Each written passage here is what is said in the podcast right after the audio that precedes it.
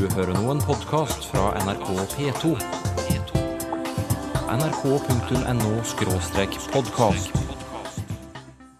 Dæven, ass. Du skulle sett det, ass. Han dro den sinnssykt seige kickflipen, ikke sant?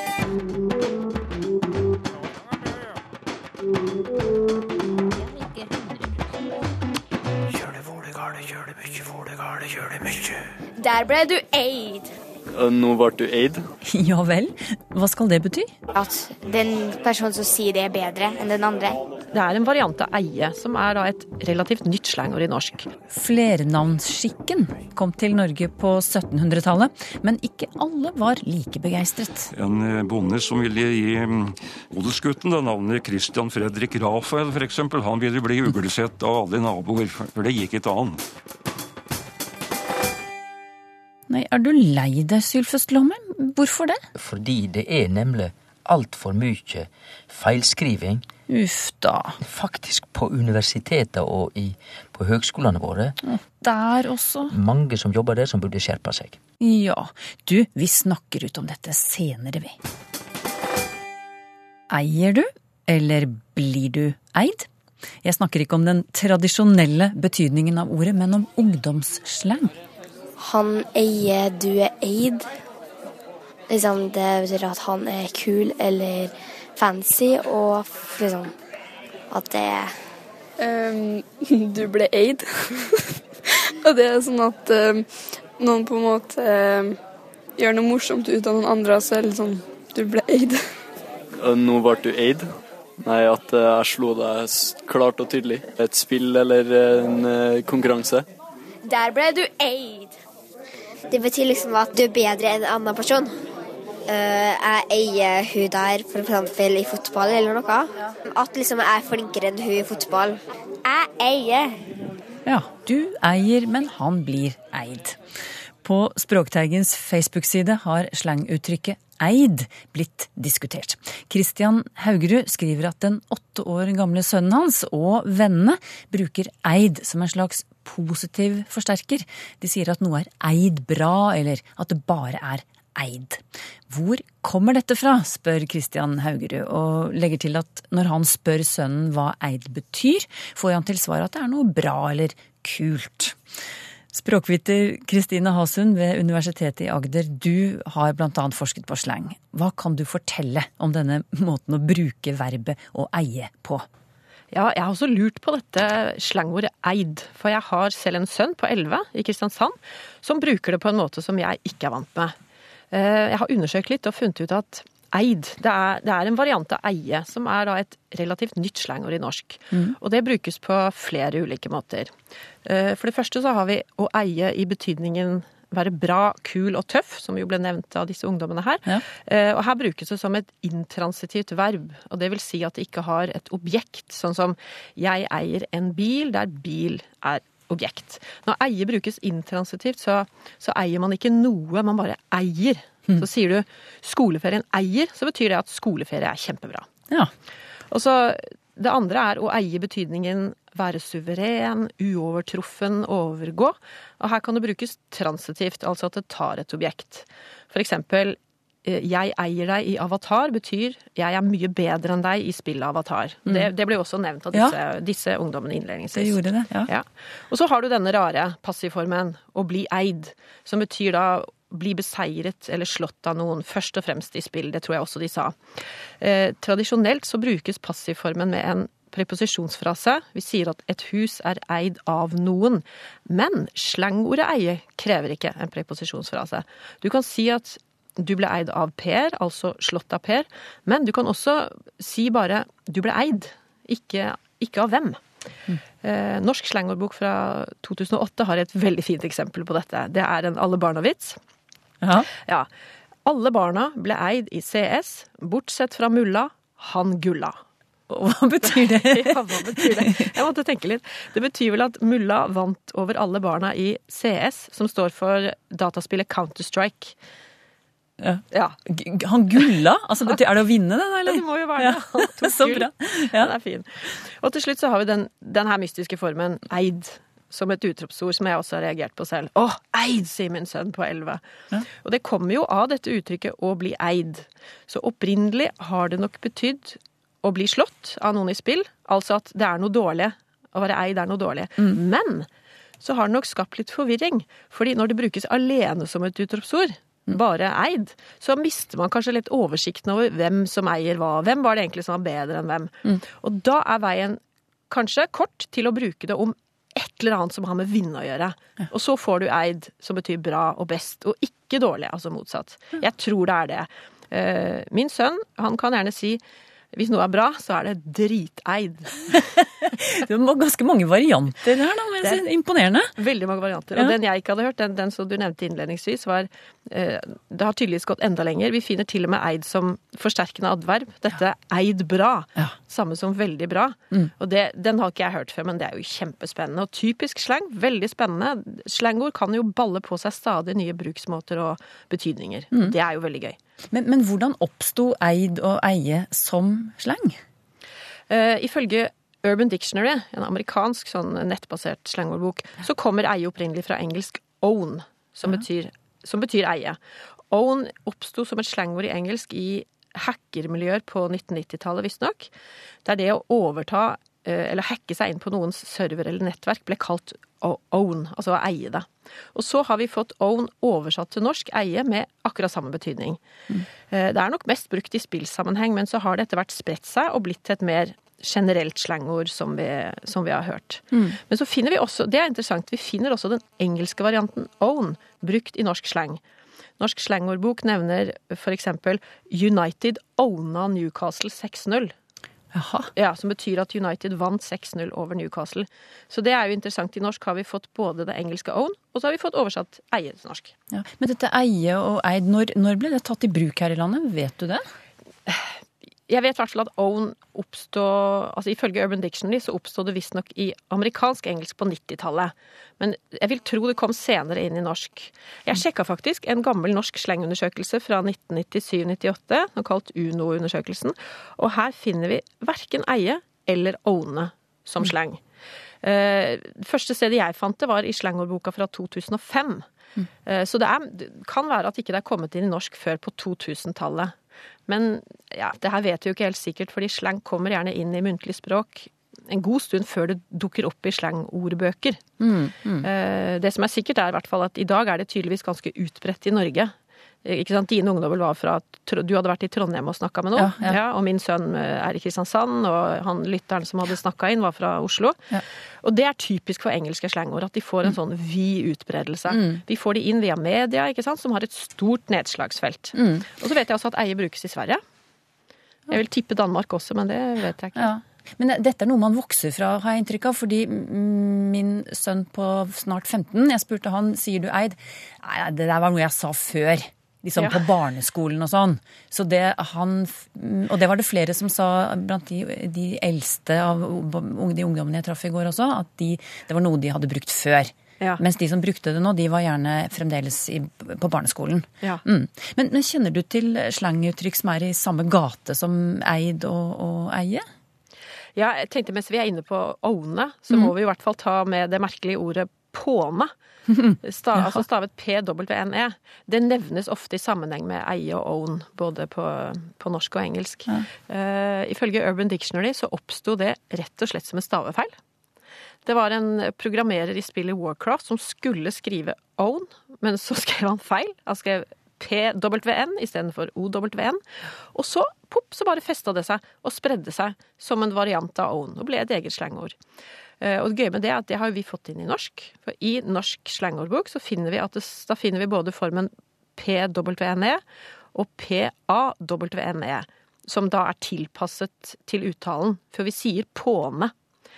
Så igjen ser vi akkurat det samme her. Slang er ikke normert språk, sånn at misforståelser og vakling og stavefeil kan godt feste seg og bli til en slags standard slang i muntlig språk. Ja, og, og, og hva mener vi når vi sier påne? Samme. Påne, eie, one. Påne, eie, one. Det er akkurat, De er helt like. Det sa Kristine Hasund, språkforsker ved Universitetet i Agder. Og siden spørsmålet ditt ble til et helt innslag, Kristian Haugerud, så får du en oppmerksomhet i posten fra Språkteigen.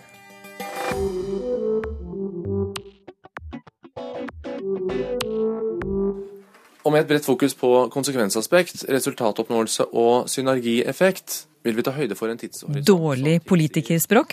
Språkteigen etterlyser dine eksempler på Tåkeprat, tilslørende ord og snikksnakk. Send til teigen krøllalfa nrk.no. Det blir premier for bidragene som kommer med i valgsendingen vår 1.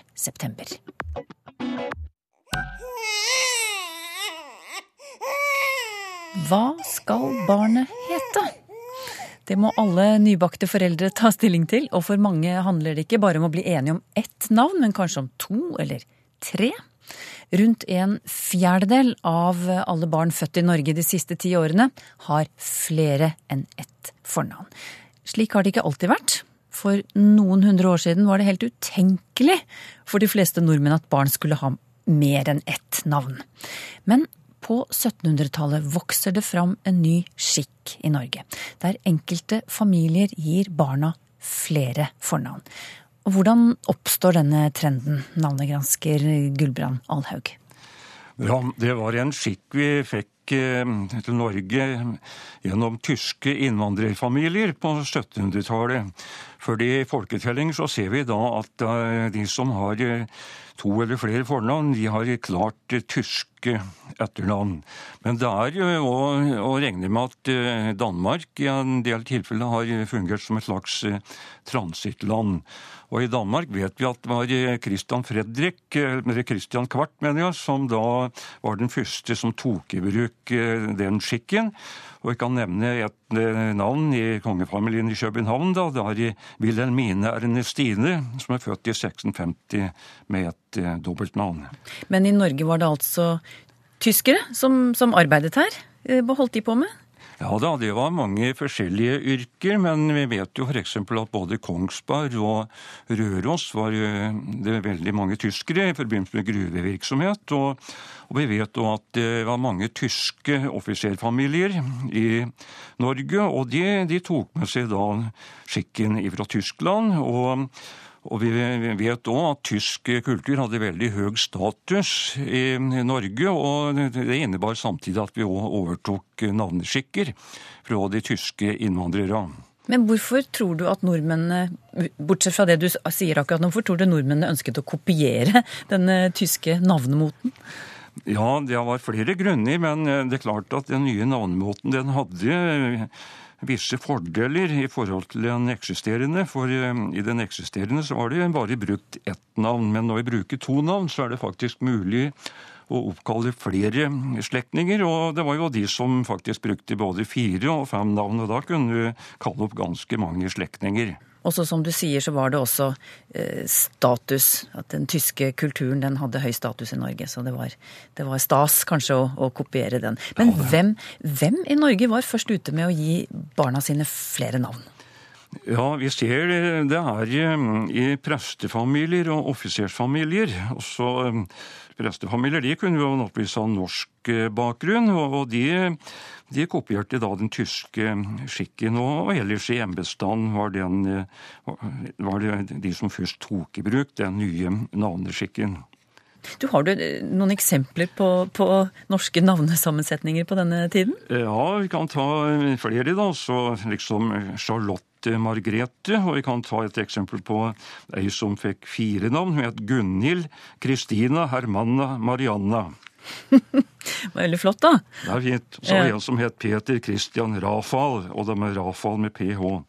Men som du sa, eh, på 1700-tallet eh, så er dette et høystatusfenomen. Men så sprer denne nye navneskikken seg til andre sosiale lag utover 1800-tallet. Eh, Men det er ikke alle som er tilhengere av flere fornavn.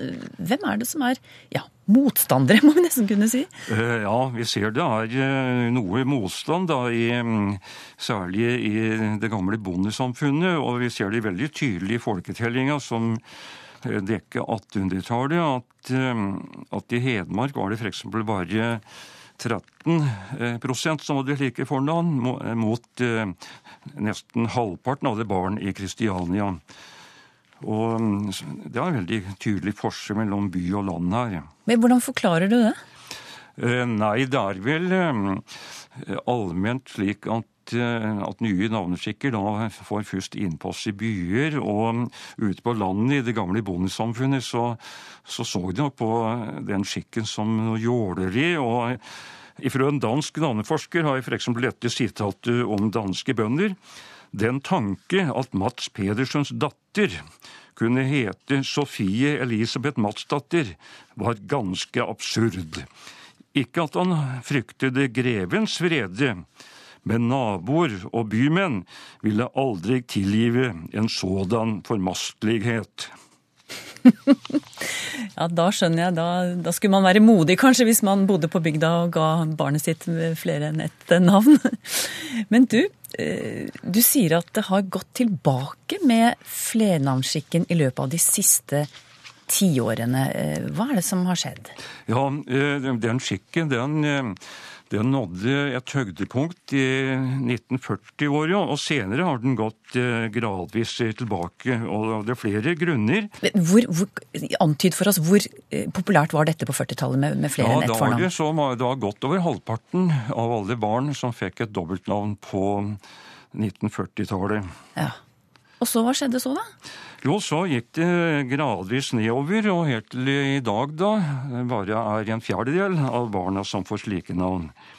Forklaringen er hva? Ja, jeg vil nok anta at den viktigste forklaringa er at vi med større likestillingsbevissthet i samfunnet og synes at, at nå skal mora også sette spor etter seg i navnet til barna. Og den nye måten å gjøre det på, er at da mora kan få etternavnet sitt overtatt eh, til barnet eh, som et mellomnavn. Altså Hvis hun heter Eva Dahl, så kan f.eks.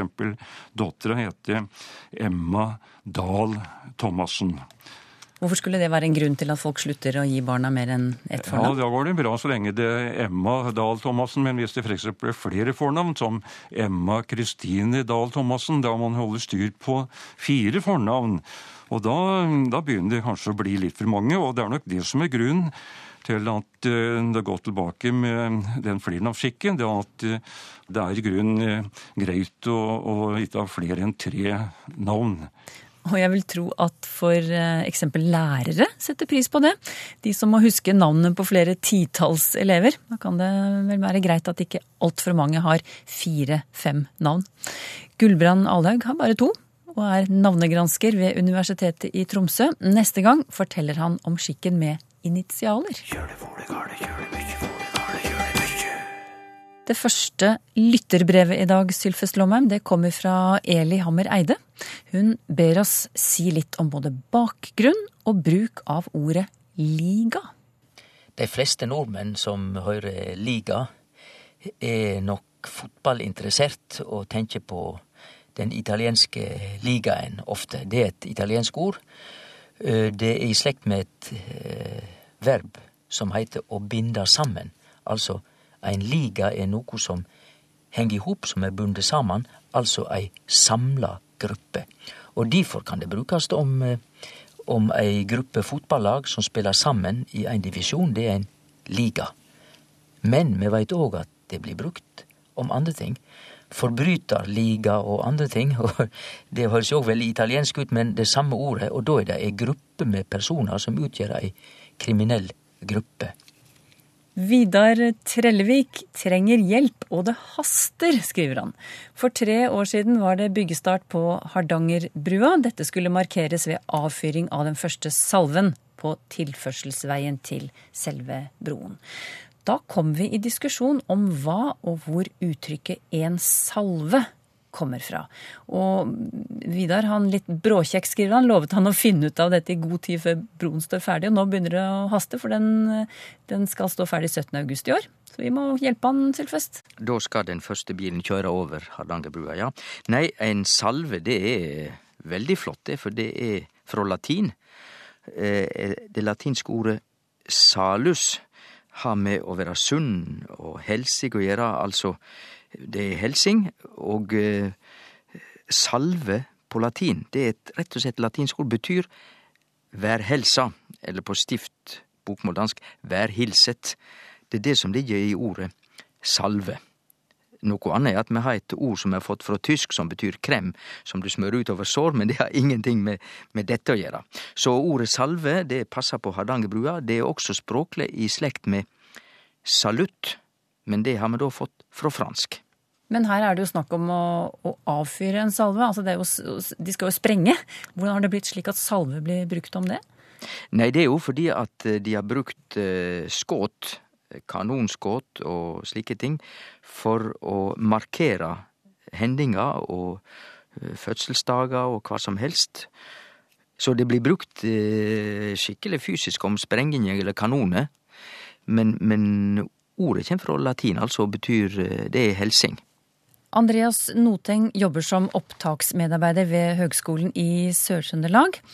Og han forteller at han til stadighet kommer i situasjoner hvor han må skrive navn på fag fra videregående skole og navn på studium. Men stor eller liten bokstav, det er spørsmålet. Han forteller at på kontoret så har de diskutert det, og kommet til at disse navnene på fag og studier trolig er fellesnavn, men uh, av og til så får han lyst til å bruke storbokstaver likevel, uh, sier han. Uh, han nevner eksempler som vernepleierutdanningen eller fag som norsk, engelsk og matematikk.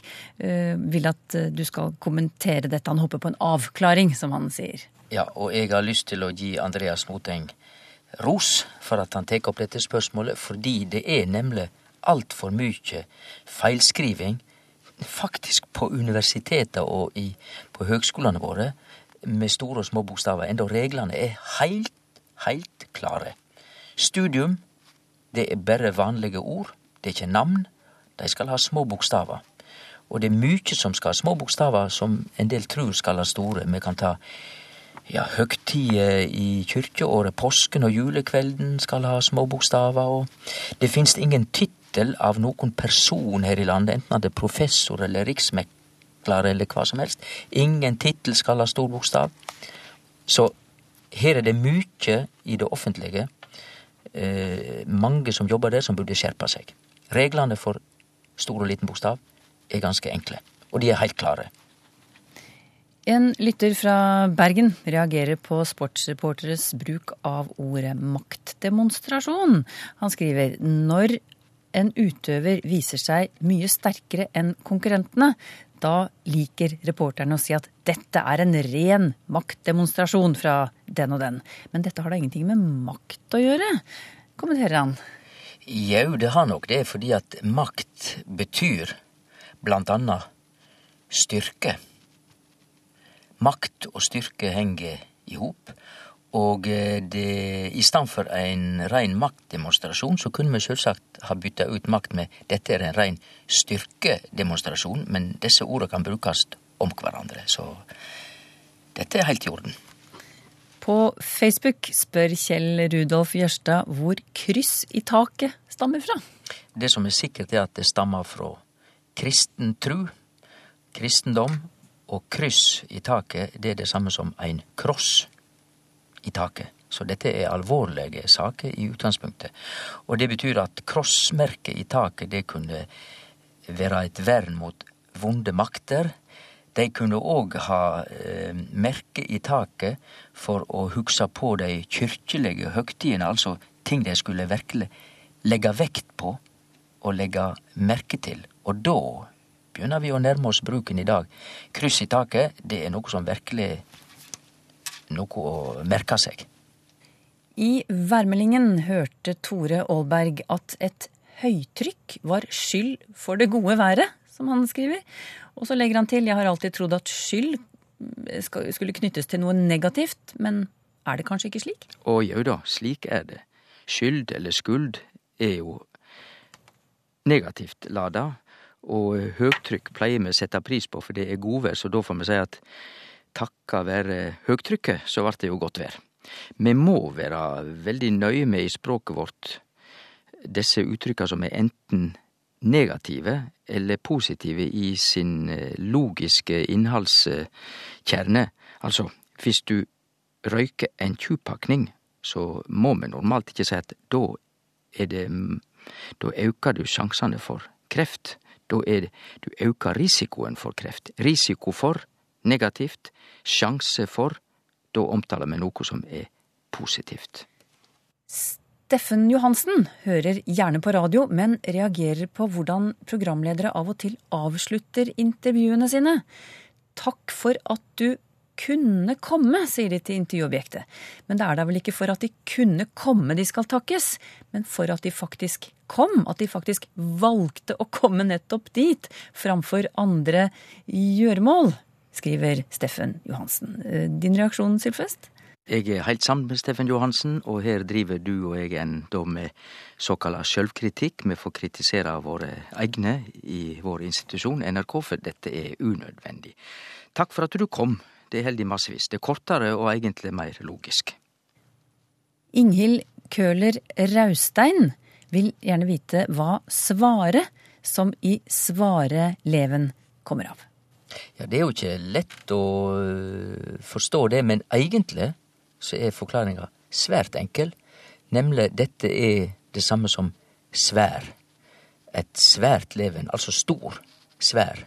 Det er det det kommer av, og faktisk er svare samme ordet som svær. Og vi finner det også i andre uttrykk som eh, hun hadde et svare strev med sånn og sånn, for eksempel. Og her var det et svare leven. Hvor kommer begrepet tankekors fra, spør Annine Skau. Ja, hvor det kommer ifra, hvor gammelt det er, det tror jeg eh, ingen kanskje veit. Men grunnen til at vi har fått dette uttrykket, eh, altså et tankekors på bokmål og ein tankekross på nynorsk, det tror jeg er rett og slett at vi kan tenke oss to linjer som kryssar hverandre, som en kross. Det betyr at det er to veldig ulike tanker som møtes, og da er det spørsmål om hva slags linje eller retning er den rette, hvor skal vi gå? Du står altså og tviler. Da har du et tankekors, eller en tankekross. Tror jeg. Slik ville jeg ha visualisert det. Har du spørsmål til Språkteigen? Skriv til Teigen, krøllalfa nrk.no, eller til Språkteigen, NRK P2, 7005, Trondheim. Så finner du oss også på Twitter og på Facebook. Skjøtt og kylling er barnslig tale, mener noen. Og de spør hvorfor vil ikke språkforskerne stoppe slike språkendringer? Da vil nok jeg si at her er det følelser og holdninger det kommer an på, og følelseslivet til folk, ja, det får de simpelthen ordna opp med sjøl. Språkteigen om en uke.